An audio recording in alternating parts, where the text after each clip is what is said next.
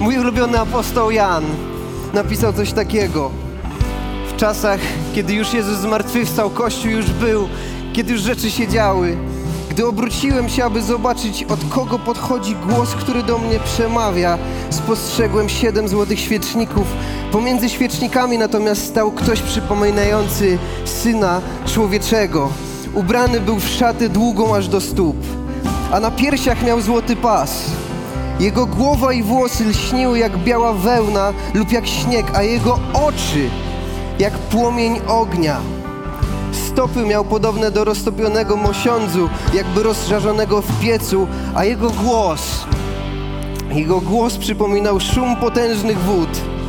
W swojej prawej dłoni trzymał siedem gwiazd. Z jego ust wychodził ostry, obosieczny miecz, a jego twarz, twarz lśniła jak słońce w pełnym swoim blasku. Gdy go zobaczyłem, padłem mu do stóp jak martwy. Ale posłuchajcie, ale on położył na mnie swoją prawą rękę i powiedział: Nie bój się.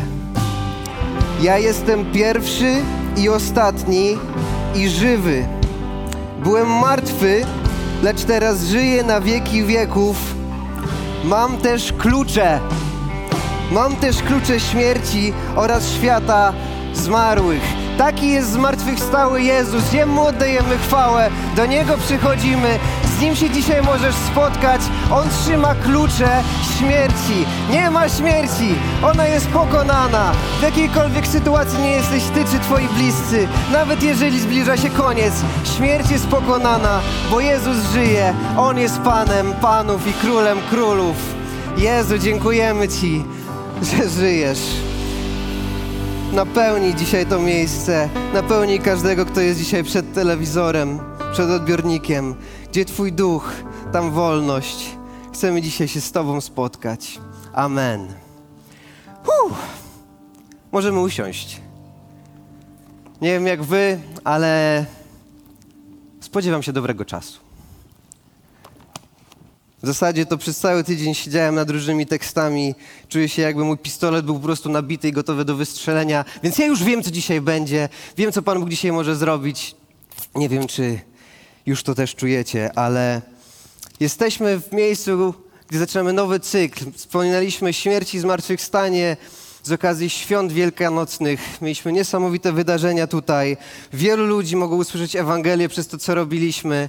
Chcemy dziękować cały czas wszystkim, którzy brali w tym udział. Możemy zaklaskać, bo są też tutaj na tej sali. To był ogromny wysiłek, ogromne wyzwanie dla naszego kościoła, ale naprawdę jest duża szansa, że jesteś teraz z nami online, ponieważ zahaczyłeś o te wydarzenia, a teraz jesteśmy w naszym cotygodniowym spotkaniu kościoła i chcemy, abyś mógł dalej do Jezusa się zbliżać. Dlatego zaczęliśmy cykl, który teraz przez cztery tygodnie będzie trwał, aby zrozumieć życie po zmartwychwstaniu. Jezus przyszedł na ten świat, oddał swoje życie, śmierć jest pokonana, On teraz żyje i co to w praktyce znaczy dla Ciebie i dla mnie? Co to może Tobie dać? Przez cztery tygodnie będziemy na to patrzeć. Ja dzisiaj zaczynam tematem wolności. Zmartwychwstały Chrystus daje nam wolność. Będziemy mówić też o nadziei, o pokoju, o przemianie. To będzie coś wyjątkowego. To będzie przerwa w naszym cyklu z listu Jakuba, ale jest to po to, abyśmy mogli zanurzyć się i wejść gdzieś głębiej. Dlatego pierwsza rzecz to to, co już przeczytaliśmy. Jezus zmartwychwstał i ten fakt czasami potrafimy być tak uodpornieni, dlatego tak ważne jest zrozumieć, jaki On jest, z kim my mamy do czynienia. I jeżeli ten tekst, który przeczytałem, on na pierwszy rzut oka nie, nie brzmi jakoś bardzo prosto, nie brzmi jakoś zachęcająco, ciężko, gdyby zrobić sobie takie ćwiczenie, żeby wyobrazić sobie to wszystko, nie wiem, postać z mieczem owosiecznym wystającym, no to może być wręcz bardziej niezręczne niż, niż jakieś zachęcające, ale Biblia jest pełna symboli i kiedy zbliżasz się do Jezusa, kiedy zadajesz sobie jakieś pytania, ok, mam z tym problem, zastanówmy się, to naprawdę są odpowiedzi. I ta pełna symboliki, treść tego fragmentu mówi o ośmiu różnych symbolach. Ja je przeczytam, potem będziemy iść dalej, ale ta długa szata wskazuje na godność. Jezus Chrystus jest kimś, kto ma godność, taką jak miał arcykapłan, król czy prorok. To jest ktoś, kto jest naprawdę na wysokiej pozycji, w najwyższej pozycji, jaką można mieć. Biel jest symbolem mądrości, czystości i dostojności. Ognistość oczu, ten ogień świadczy o zaangażowaniu i o wnikliwości. On nie jest obojętny, on jest zaangażowany, płomienny ogień, który po prostu chce wejść do Twojej rzeczywistości, wejść w Twoją sytuację. Rozżarzone stopy to symbol, że dla Niego nic nie jest niedostępne. Dla naszego Boga nie ma miejsca, do którego On nie mógłby wejść. Nie ma takiego zakamarka Twojej duszy, którego nie mógłby poznać. Dla Niego wszystko jest dostępne. Ostry i obosieczny miecz to symbol bezstronności i bezkompromisowości Słowa Bożego i Bożego Sądu. On naprawdę nie ma sobie równych i tak jak On postanawia, tak jest. Słońce przedostatni to symbol chwały dającej życie, a jednocześnie niedostępnej dla wzroku. I ostatnie posiadanie kluczy. Właśnie klucze oznaczają, że On ma władzę. Zmartwychwstały Jezus, Bóg, o którym my mówimy, Bóg, do którego się zbliżamy, jest kimś, kto ma naprawdę władzę. I dlaczego to jest ważne? To jest ważne dlatego, ponieważ taki ktoś zaprasza ciebie i mnie do wspólnej drogi przez życie, ale kiedy spotyka człowieka, to musi z nim zrobić jedną rzecz. Musi nas uwolnić. Musi nas uwolnić. Nie byłem w więzieniu na szczęście, ale więzienie to jest miejsce, do którego muszą iść ludzie, których wolność ze względu na to, co zrobili, na złamanie prawa, na zrobienie czegoś, co jest niedopuszczalne, chociażby jak morderstwo. Taki, tacy ludzie nie mogą chodzić po prostu wolni po naszym mieście, bo mogliby to robić cały czas, a my tego nie chcemy. Takich ludzi zamykamy. Ich wolność, ich możliwość podejmowania decyzji, miejsc, do których mogą pójść, jest ograniczona. Nie mogą z niej wyjść. Są klucze, które ma ktoś, kto ma nad nimi władzę i są zamykani, odizolowani od innych. Nie tylko ludzi, ale też miejsc, od możliwości, od okoliczności. I to jest proste, żeby zrozumieć, jak działa więzienie i jak może wyglądać tam życie. Kiedyś niewolnictwo oznaczało, że masz nad sobą mistrza, pana, kogoś, kto nad tobą włada.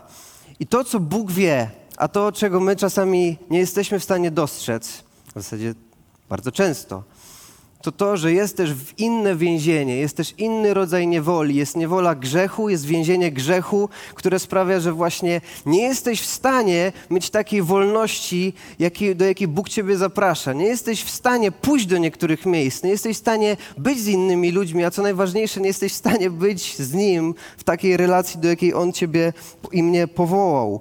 Dlatego Jezus chce nas wyprowadzić na wolność. I uwaga, diabeł Diabeł robi wszystko, abyśmy widzieli ograniczenie w Bogu i w Jego słowie. Że tam są jakieś ramy, zasady, że to cię ograniczy, to sprawi, że twoje życie nie będzie takie wspaniałe, ekscytujące, pełne niesamowitych przygód, pieniędzy, dostatków itd., tak itd. Tak I chcę, abyśmy uwierzyli w kłamstwo, że to On ma do zaoferowania życie pełne nieograniczonych możliwości. On chce, żebyśmy widzieli w Bogu ograniczenie dla naszej wolności, a w sobie kogoś, kto jest w stanie nam zaoferować. Albo w braku Boga, co jest dokładnie tym samym, tylko w inny sposób przez Niego przedstawianym. I Jezus Chrystus w konfrontacji z diabłem, w konfrontacji z szatanem przez 40 dni na pustyni, On próbował z nim zrobić dokładnie to samo. Zobacz, tam są ograniczenia, a ja dam ci to wszystko. Jezus Chrystus był w stanie przejść przez te konfrontacje, a diabeł skończył ostatecznie w konfrontacji z Jezusem z zdeptanym łbem, ponieważ Jezus Chrystus jest Panem Panów i Królem Królów i szatan nie ma szans w zestawieniu z kimś takim jak On. I to Jezus nas zaprasza do prawdy, abyśmy z tego kłamstwa mogli wyjść, żebyśmy mogli zrozumieć, że życie, które czasami myślimy, że jest takie fantastyczne, takie pełne wolności, to tak naprawdę kałuża, a jest ocean, do którego On nas zaprasza. I to jest droga do wolności. To jest coś, co Bóg wie i do czego chce Ciebie i mnie zaprosić. Dlatego pierwszy, znaczy drugi punkt. Pierwszy to jest taki, że Jezus zmartwychwstał. To jest ten tekst z objawienia. To jest to, kim On jest, te wszystkie symbole. I to zaproszenie do wolności. To jest Drugi punkt, do którego dzisiaj przejdziemy, on będzie najdłuższy, dlatego usiądź spokojnie. Jak jesteś w domu, możesz wziąć kawę, to, jest, to będzie taki spokojniejszy czas. Musimy trochę wejść w słowo. Naprawdę zrobię coś, co dla niektórych może być bardzo trudne, ponieważ wejdę w słowo i będę słowo tłumaczył innym fragmentem ze słowa, więc tak naprawdę jak nie masz zbyt wielkiej wiedzy biblijnej, to dzisiaj będziesz miał naprawdę przyspieszony kurs przynajmniej kilku scen z życia Jezusa, bo to właśnie na Jego życie musimy spojrzeć. Chciałbym też, żebyśmy podziękowali w tym momencie naszym tłumaczom na rosyjski, angielski, na język migowy, ponieważ ja mówię tak szybko, że dla nich to jest ogromne wyzwanie. Więc kochani, zwalniam. Zwalniam. Robię oddech specjalnie dla Was. Ale jestem podekscytowany, ponieważ Ewangelia Jana mówi coś fantastycznego. To jest taki moment życia Jezusa, kiedy On mówi do ludzi i to, co mówi, jest właśnie tym, o czym my, ja przed chwilą starałem się powiedzieć. To od Niego wyszło, nie ode mnie. Jezus chce nas uwolnić. Wielu w Niego uwierzyło. Kiedy Jezus mówił, wielu w Niego uwierzyło. I właśnie do tych Żydów, którzy uwierzyli, to jest bardzo ważne, do tych Żydów, którzy uwierzyli, Jezus powiedział: Jeśli wytrwacie w moim słowie, to istotnie jesteście moimi uczniami i poznacie prawdę, a prawda was wyzwoli. Odpowiedzieli: Jesteśmy z rodu Abrahama i nigdy nie byliśmy niczyimi niewolnikami. Jak możesz mówić, staniecie się wolni? Jezus na to: Ręczę i zapewniam, każdy, kto grzeszy, jest niewolnikiem grzechu. Niewolnik opuści kiedyś dom, w którym służy. Syn jednak pozostanie w rodzinie na zawsze. I ostatni werset. Jeśli więc, jeśli więc syn was wyzwoli, będziecie naprawdę wolni. Jeśli więc syn was wyzwoli, będziecie naprawdę wolni. To jest Szybki tekst do przeczytania, bardzo trudny do zrozumienia. Okoliczności 2000 lat temu. Jakiś rabin chodzi, naucza. Dzisiaj, jakbym stanął w galerii, spróbował nauczać tak jak teraz, nikt by nie słuchał. Ludzie są zabiegani, nie mają czasu. Wtedy, kiedy Jezus stawał, zaczynał nauczać, to ludzie słuchali i przychodzili i coś się zmieniało w ich postrzeganiu rzeczywistości. On objawiał coś, co do tej pory nie było dostępne i niektórzy na skutek jego nauczania zaczynali wierzyć, że to, co on mówi, jest naprawdę prawdą i to, co o sobie zaczyna mówić, to jak, jak działa, jakie cuda wokół niego się dzieją, coś w tym jest, naprawdę, hmm, muszę się nad tym zastanowić. On jest kimś szczególnym, więc zaczynają się zbliżać do niego, zaczynają wierzyć. I Pan Jezus w momencie, kiedy rodzi się w Twoim życiu i moim życiu wiara, daje nam też wyzwania, aby troszeczkę nad nami popracować, aby troszeczkę wbić nam pewne rzeczy, nad którymi się powinniśmy zastanowić. Bo fajnie, fajnie, że wierzysz, fajnie, że zaczynasz mówić o sobie jako wierzący, e, jestem zainteresowany, hmm, Pan Jezus, chyba, chyba to dobra droga, ale Pan Jezus nagle wchodzi z tematami, które dla nich na przykład były nie do pomyślenia. Co? My jesteśmy niewolnikami? Przepraszam, przepraszam, halo, halo, halo, stop, stop, stop, Panie Jezu. Tutaj się zagalopowałeś. Dla nich to było już nie do przyjęcia. Zaczyna Jezus objawiać rzeczy, które są trudne. Dlatego ten tekst, Ewangelia Jana, 8 rozdział od 30 do 37, zatrzymamy się nad nim i spróbuję pokazać kilka rzeczy, które tutaj są arcyważne dla zrozumienia wolności, którą Pan Jezus chce nam dać. Ponieważ ta wolność sprowadza się do tego, że my musimy zrozumieć, jak On widzi nas, w jakich okolicznościach my jesteśmy i to, że nasza perspektywa na nas samych, to wcale nie musi być prawda, ale to jest Twoja i moja decyzja, kogo wersję uznamy za słuszną, Chrystusa czy naszą. To jak nam się wydaje, jak nasze emocje, jak nasze tradycje nam podpowiadają, czy to, co jednak mówi On o nas samych. Dlatego do kogo Jezus mówi? Do ludzi, w których już była wiara. Można powiedzieć już do powoli wierzących. I podobna rzecz, gdybyśmy mieli zrozumieć Dlaczego Pan Jezus w taki sposób próbuje nad nimi pracować? Dlaczego akurat nad grupą religijnych przywódców, którzy tak naprawdę są zaangażowani? Oni znają lepiej tę pierwszą część Biblii niż ja, bo oni muszą się uczyć wręcz, wręcz na pamięć. Oni znają zasady. Dlaczego Pan Jezus próbuje im pokazać, że są zupełnie gdzieś obok tego oceanu, o którym On mówi? Jedną z rzeczy, którą Pan Jezus robił, żeby nam pomóc zrozumieć właśnie Jego perspektywę, to mówił nas obrazami, ilustracjami, historiami, które każdy jest w stanie tak naprawdę przyjąć. Jedna z nich była historia najbardziej znana do dzisiaj na całym świecie, czyli o synu marnotrawnym. My ją tak zaczęliśmy nazywać, że to jest historia o synu marnotrawnym, chociaż ona tak naprawdę w ogóle o tym nie jest. To jest tylko część, to jest pierwszy akt, jest też drugi, o którym lubimy zapominać. To jest historia o dwóch synach. Historia o dwóch synach, że jest ojciec, ma dwóch synów, on jest tym, który ma wszystko w posiadaniu, oni mają to w jakimś czasie przejąć. Jeden chce to już teraz, tu i teraz. Biorę, spadam, uciekam, robię swoje rzeczy. To mu się kompletnie nie udało, posypało mu się życie, więc wtedy w takim momencie bez nadziei on wraca, bo mówi już chociaż tam mi będzie lepiej i zostaje przyjęty z powrotem w radości przez ojca. Ale jest też drugi syn w tym samym czasie, który nigdy nie miał takiego momentu, okej, odchodzę, mam teraz swój czas, teraz będę się zajmował innymi rzeczami i w ogóle, brzydko mówiąc, wypinam się na to wszystko. Nie było czegoś takiego. On cały czas wiernie był w tym miejscu, w którym miał pracować. Robił to, do czego został powołany. Zajmował się tymi rzeczami, którymi miał się zajmować i był tym, za kogo ojciec teoretycznie chciał go mieć. Synem, który mu służy. Ale w momencie, kiedy się te rzeczy dzieją, okazuje się, że on jest kompletnie w innym miejscu niewoli niż tamten. Po prostu jego okoliczności się nie posypały, tylko jego serce cały czas było w miejscu niewoli, która izolowała go od relacji. Przeczytam wam, bo sobie mądrze to zapisałem. Obaj byli związani i potrzebowali wolności od ich złych pragnień. To złe pragnienie to próbowanie wyciągnięcia od ojca tego, co ma i wyrzucenie relacji. Rozumiecie? Jezus, mając to w swoim sercu, mając taką perspektywę, że tak są ludzie, którzy grzeszą strasznie i są w miejscu beznadziei i im trzeba pomóc, zrozumieć, że oni nie są na, jak na śmietnik, ale jest też inna grupa ludzi, ludzie, którzy mają w sercu to, że są jacyś niesamowicie wspaniali i dobrze, robią wszystko poprawnie, ale nie rozumieją w ogóle, że w całym tym w całej tej sytuacji chodzi o relacje ze mną, nie o wyciąganie ode mnie zbawienia czy innych rzeczy, które, czy pieniędzy, czy błogosławieństwa i tak dalej, i tak dalej, tylko o relacje ze mną, o radość z faktu, że jestem ojcem, który Ciebie kocha i po prostu chce z Tobą być. Ten cykl, który pastor cały czas y, prowadzi, sprowadza się właśnie do tego, do zrozumienia, że jest różnica między y, religią a wiarą, a relacją. Ona się dzieje na poziomie serca i Pan Jezus cały czas próbował, żebyśmy to zrozumieli, ponieważ więzienie grzechu ogranicza naszą wolność do życia w relacji z Bogiem.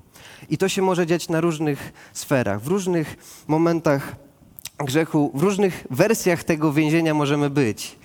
Więc kiedy Jezus zaczął do nich mówić właśnie o tym, że e, jeżeli wytrwacie w moim słowie, to istotnie jesteście moimi uczniami, poznacie prawdę, a prawda was wyzwoli.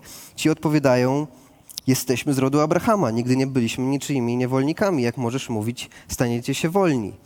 To właśnie oznacza, że oni są odizolowani od prawdy, że ich rzeczywistość, ich postrzeganie swojej rzeczywistości jest zupełnie inne niż Chrystusa. Już nawet pomijając fakt, że historycznie Izrael, Żydzi, czyli ludzie, za których, których oni mówią, my nigdy nie byliśmy niczyimi niewolnikami. Egipt, Babilon, obecnie Rzym są pod okupacją. Generalnie oni cały czas są niewolnikami, cały czas są ograniczeni, ale nie, my nigdy nie byliśmy niczyimi niewolnikami.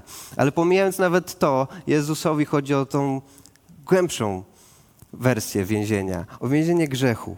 Dlatego mówi, ręczę i zapewniam, każdy, kto grzeszy, jest niewolnikiem grzechu. Niewolnik opuści kiedyś dom, w którym służy syn, jednak pozostanie w rodzinie na zawsze.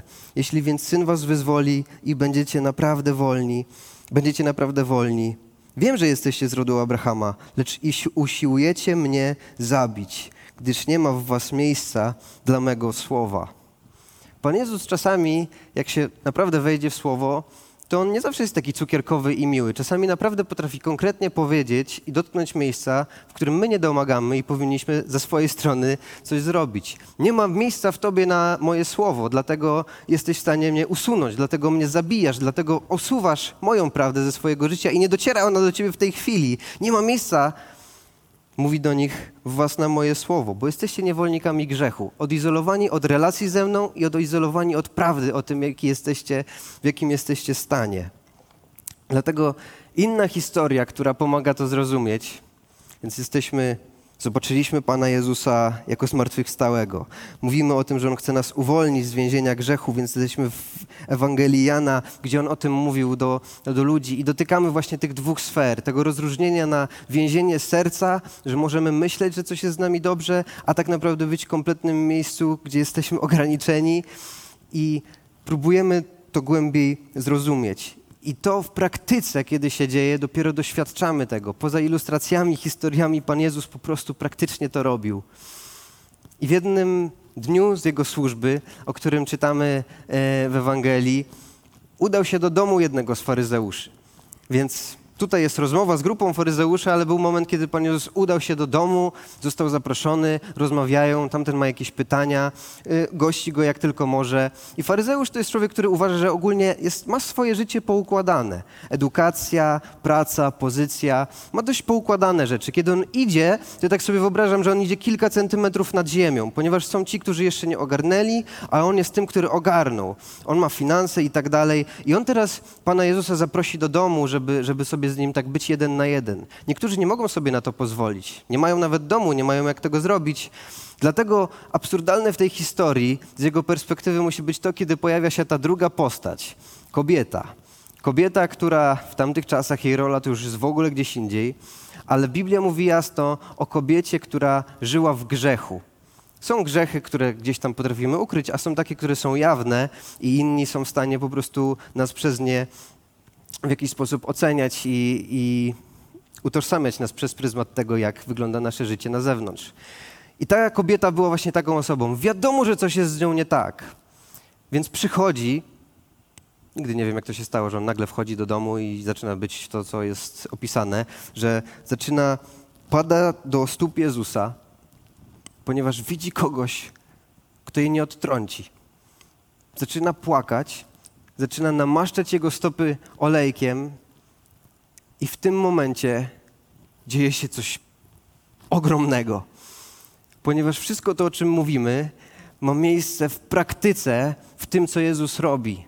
Że jest ktoś, kto jest na dnie dna, kto kiedy idzie, to sam czuje się ze sobą podle, a kiedy widzi wzrok inny, kto się czuje jeszcze podlej ale mamy też kogoś z drugiej strony, kogoś, kto czuje się ok, który jest ogarnięty, który nawet z Panem Justem tutaj chce sobie trochę poprzebywać, ale kiedy spotykają się wszyscy we trójkę razem, kiedy ta kobieta zaczyna padać do niego stóp, to jest napisane, że w głowie faryzeusza pojawiła się taka myśl, że gdyby on był prorokiem, gdyby Jezus był prorokiem, to wiedziałby, kim ona jest, że jest grzesznicą.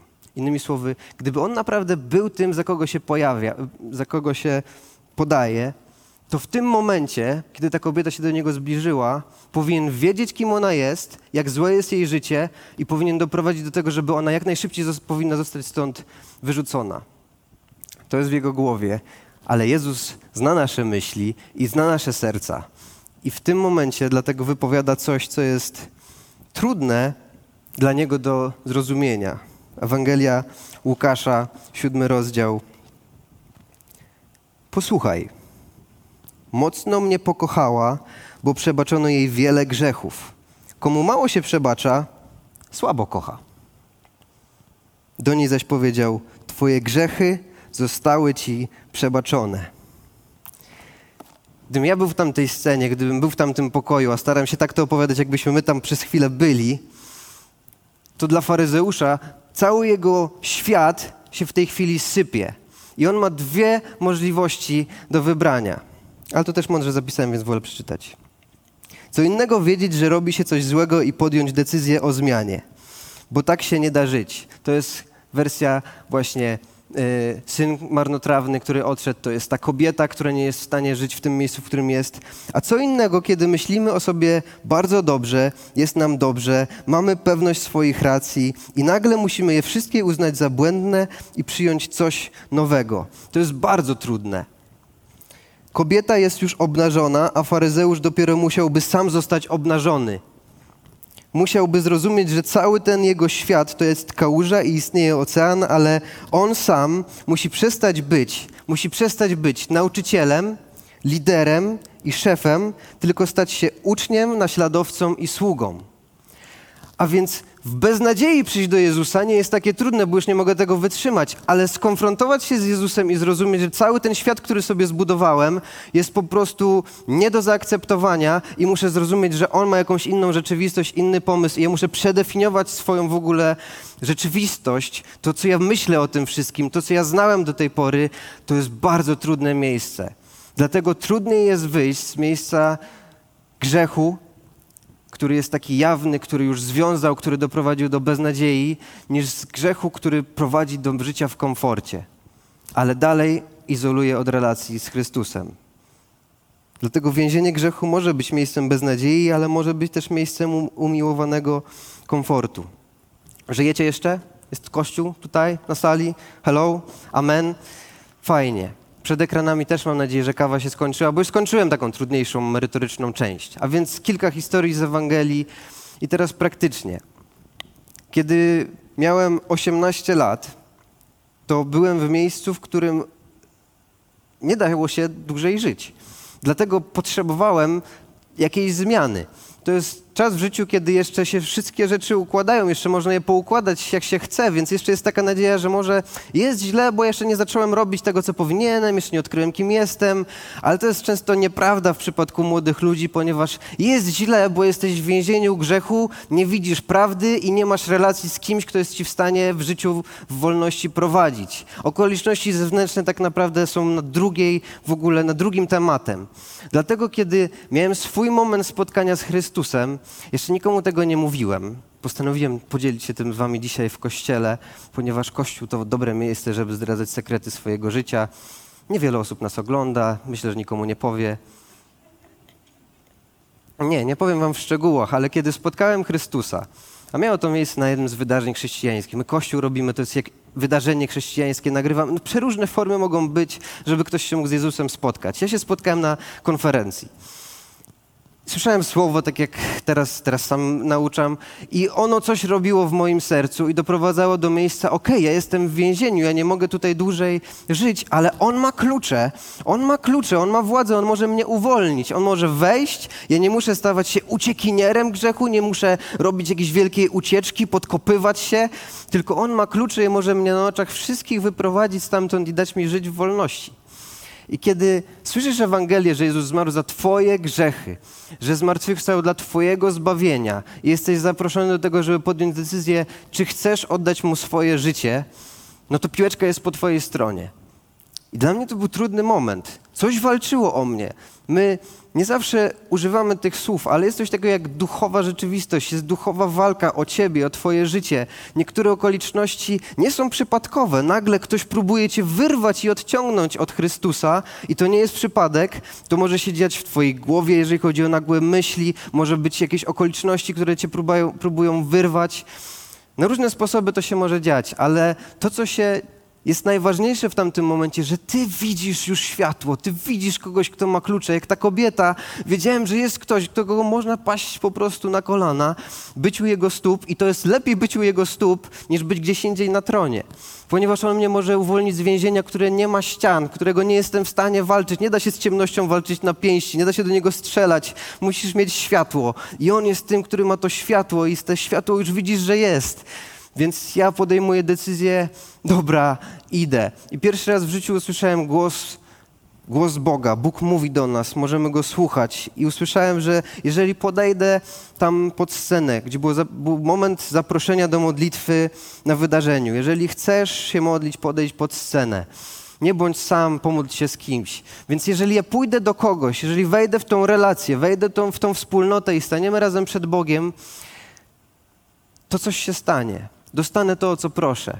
Dostanę to, o co proszę. Ja się modliłem, żeby Pan Bóg dał mi siłę, abym wytrwał w relacji z Nim, a nie wrócił do rzeczywistości, do mojej codzienności, w której jestem, bo ja wiem, że ja nie mam siły, żeby samemu tego zrobić. Więc to, co usłyszałem, że jak pójdę pod scenę, to dostanę, o co proszę. I nie poszedłem po pięciu minutach, nie poszedłem po dziesięciu minutach. Nie wiem, ile to trwało, chyba z godzinę, jeszcze z kapturem na głowie, gdzieś się schowałem nagle, jakbym nie słyszał, jakbym nie wiedział bo coś próbowało walczyć.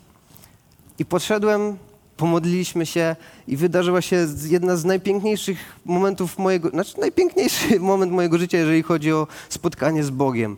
Dla mnie to było jak właśnie wylanie tego oceanu nagle na mnie. To się, jak tego się jeszcze nie doświadczyło, tego się nie da opisać. Spotykasz się po prostu nagle, że to nie jest żadna teoria, to nie są jakieś informacje, to jest doświadczenie osobiste, jakby coś mnie wypłukało, po prostu jakby coś odeszło i chociaż nie wiedziałem do końca teologicznie o co chodzi, nie znałem drugiego rozdziału dziejów apostolskich, historii wylania Ducha Świętego, Świętego, to nagle zacząłem modlić się językiem, którego nie znałem. Po prostu popłynął ze mnie, a ręce poszły mi w górę, ponieważ spotkałem się z Chrystusem i Duch Święty wypłukał wszystko, co było brudne we mnie i postawił mnie w nowym miejscu, ponieważ On ma klucze, aby uwolnić nas i dać nam nowe życie. Ale o tym mówiłem, ale nie mówiłem o czymś innym. A więc nawróciłem się, oddałem życie Jezusowi, doświadczyłem Ducha Świętego, modliłem się na językach. Możesz o tym poczytać w dziejach apostolskich. Są też inne fragmenty. To jest normalne. Czy normalne? Nie wiem, jak to nazwać. Dzieje się. Yy, jest dobre, jest do budowania naszej wiary. I inny głos, który usłyszałem dokładnie tego samego wieczoru, kiedy tylko wyszedłem z sali i nawet jeszcze nie doszedłem do, do miejsca, gdzie my tam spaliśmy, inny głos. I tego nigdy nikomu nie mówiłem. Będzie ci zabrane. Tego samego wieczoru, kiedy Chrystus przyszedł do mojego życia, kiedy mnie uwolnił, przyszedł do mojego życia głos i przekonanie i zdanie, które było tak wyraźne, jak wcześniej było wyraźne zdanie, że mam pójść się pomodlić z kimś pod sceną. Będzie ci zabrane. I przez długi, długi czas to zdanie wracało do mojej głowy. Nie wiedziałem, co z nim zrobić. Tamtego wieczoru, kiedy to usłyszałem, to moja następna myśl była taka: aha, mam dar języków, ale to jest tylko na jakiś czas. Więc poszedłem do kolegi, zapytałem go, tam starszy w wierze, dłuższe ma doświadczenie. Posłuchaj, czy y, dary języków to przemijają? Jakby to jest na jakiś czas? Nie, to jest cały czas. Mówię, naprawdę?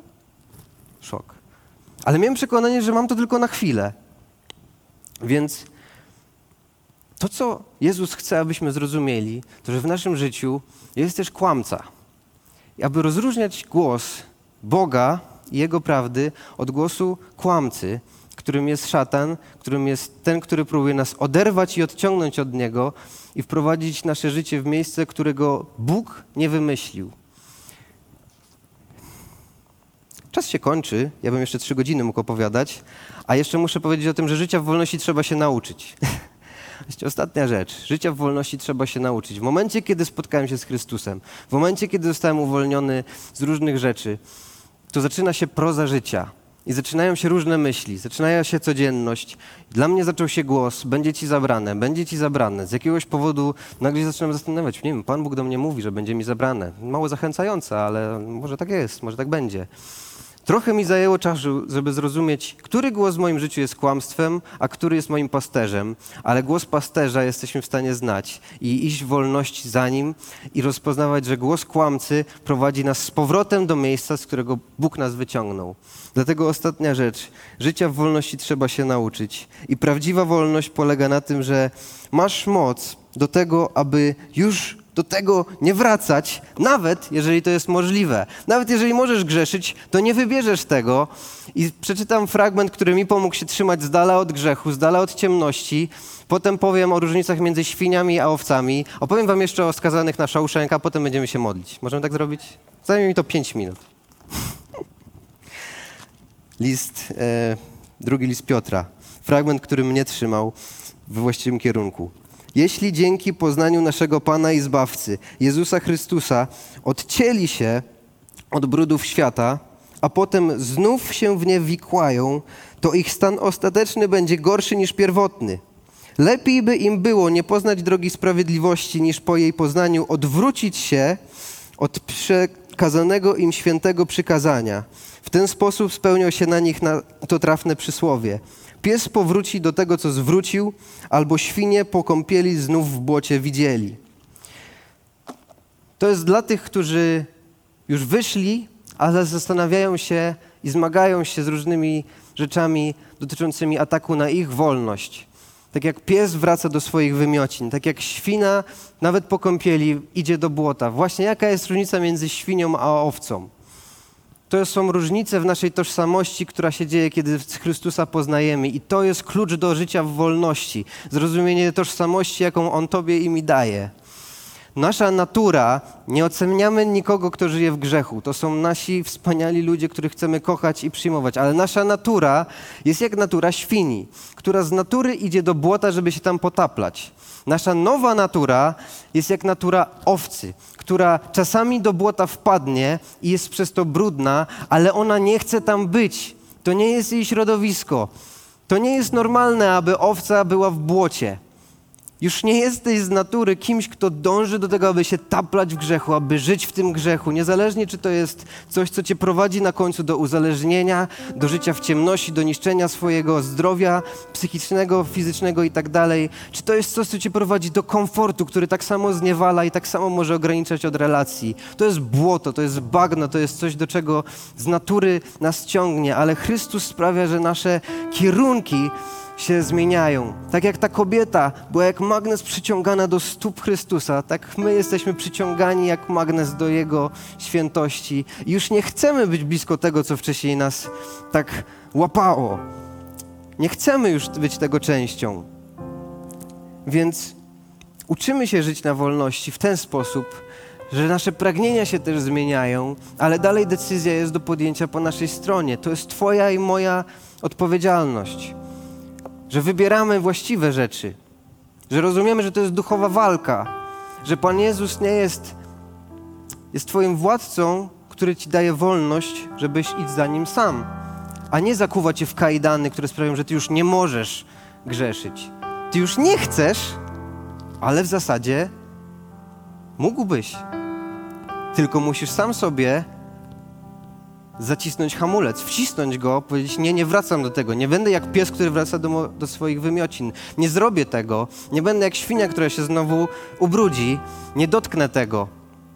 Ja już jestem wolny, już jestem kochany, już jestem uwolniony i mogę żyć bez tych rzeczy. Wiem, że to była kałuża, jest ocean, który teraz, możliwości, który na mnie wpływa. Problem właśnie polega na tym, że my nie zawsze rozumiemy, że z czasem zobaczymy, jak to życie wygląda i żebyśmy to zrozumieli. Właśnie ilustracja przedostatnia. W filmie Skazani na Shawshank jest postać człowieka, który się nazywa Brooks i Brooks od 50 lat jest w więzieniu. To już jest jego rzeczywistość. On już tam cały czas po prostu jest. Ma tam jakąś swoją rolę, relacje. To już jest jego życie. I przychodzi taki moment, kiedy dostaje list, że zostaje zwolniony warunkowo. Zostaje wypuszczony na wolność. To jest dla niego straszny moment. Zaczyna tam gościa łapie, próbuje go zabić, próbuje robić cokolwiek, żeby go w tym więzieniu zatrzymali, bo go przeraża wolność, przeraża go życie w tamtym miejscu, samodzielność, jak on ma się tym wszystkim pogubi, po, odnaleźć. I mówi, w filmie jest to taki list, który napisał, który mówi, męczy mnie ciągły strach, postanowiłem, że tu nie zostanę.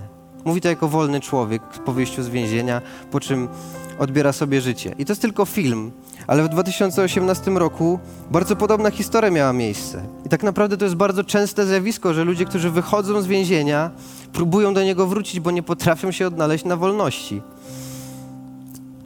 2018 rok Paul Baroni.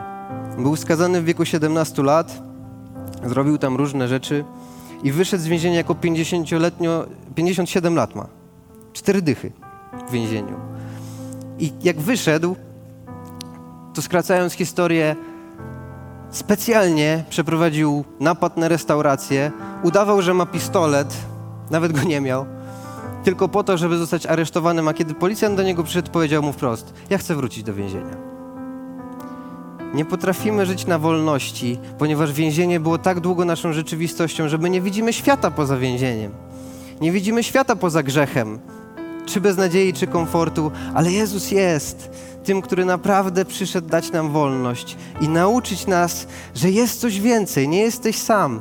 I tak jak ci więźniowie, to co można im pomóc, potrzebują relacji z innymi ludźmi, potrzebują kościoła, potrzebują być otoczeni przez ludzi, którzy im pomogą stawiać kolejne i kolejne kroki, że jest więcej. Nawet jak cię ciągnie z powrotem, to nie musisz, będziemy z tobą, będziemy się modlić. Nawet jak upadniesz, to nic się nie stało, jest przebaczenie, jesteś nowy, przebaczone, czasami się ubrudzisz, ale jesteś już nowym stworzeniem. Czasami nie widzisz w ogóle opcji na swoje życie, ale słyszysz, jest plan, Bóg ma plan, przyjdź do relacji, przyjdź do prawdy. Ponieważ wyjść z Egiptu to jedno, a wyrzucić Egipt z siebie to drugie. To jest naprawdę proces. To jest proces, aby żyć w pełni wolności, którą Jezus dla nas przygotował. I uczymy się tego. Więc podsumowanie istnieje coś takiego jak więzienie grzechu. Ono ogranicza Twoją wolność, wolność w relacji z Bogiem, wolność do prawdy. Może mieć miejsce w beznadziei, ale może być też miejscem komfortu. Prawdziwa wolność polega na tym, że masz moc do tego, aby tam nie wrócić, nawet jeżeli cię tam ciągnie. Ale wyjście z Egiptu to jedno, a wyrzucić Egipt z siebie to drugie. Możemy wstać, kochani, w kościele, ponieważ zakończę jedną ostatnią ilustracją i będziemy nie modlić się smutno, nie opuścimy naszych głów, będziemy czekać, aż Pan Bóg przyjdzie i nas w tym smutku podniesie. Zaśpiewamy z mocą Halleluja, że wolność jedno ma imię, jest to imię Jezus, ponieważ Jezus Chrystus zmartwychwstał, zaprasza nas do relacji, nie zostawia nas samych.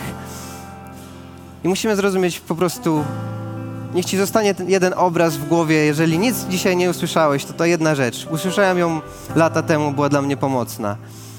Policja często korzysta z pomocy psów, aby wyśledzić albo gonić też zbiegów. Jeden pies policyjny, kiedy ścigano przestępcę, został spuszczony, biegł za nim, ale przebiegali przez ulicę, został uderzony przez nadjeżdżający szybko samochód i w wyniku tego zderzenia jego tylne nogi zostały całkowicie zniszczone. Od tamtej pory on mógł tylko chodzić przed nim, ciągnąć swoje tylne nogi za, za przednimi łapami, ale tamte się w zasadzie nie ruszały. Chwilę później okazało się, że ten pies miał szczeniaczki, to była suczka, pani pies. Kiedy urodziła te pieski, one były piękne i zdrowe, ale po jakimś czasie, kiedy zaczęły chodzić, okazało się coś bardzo niezwykłego. One widząc, jak chodzi ich mama, chociaż same były zdrowe, jak myślicie, jak chodziły?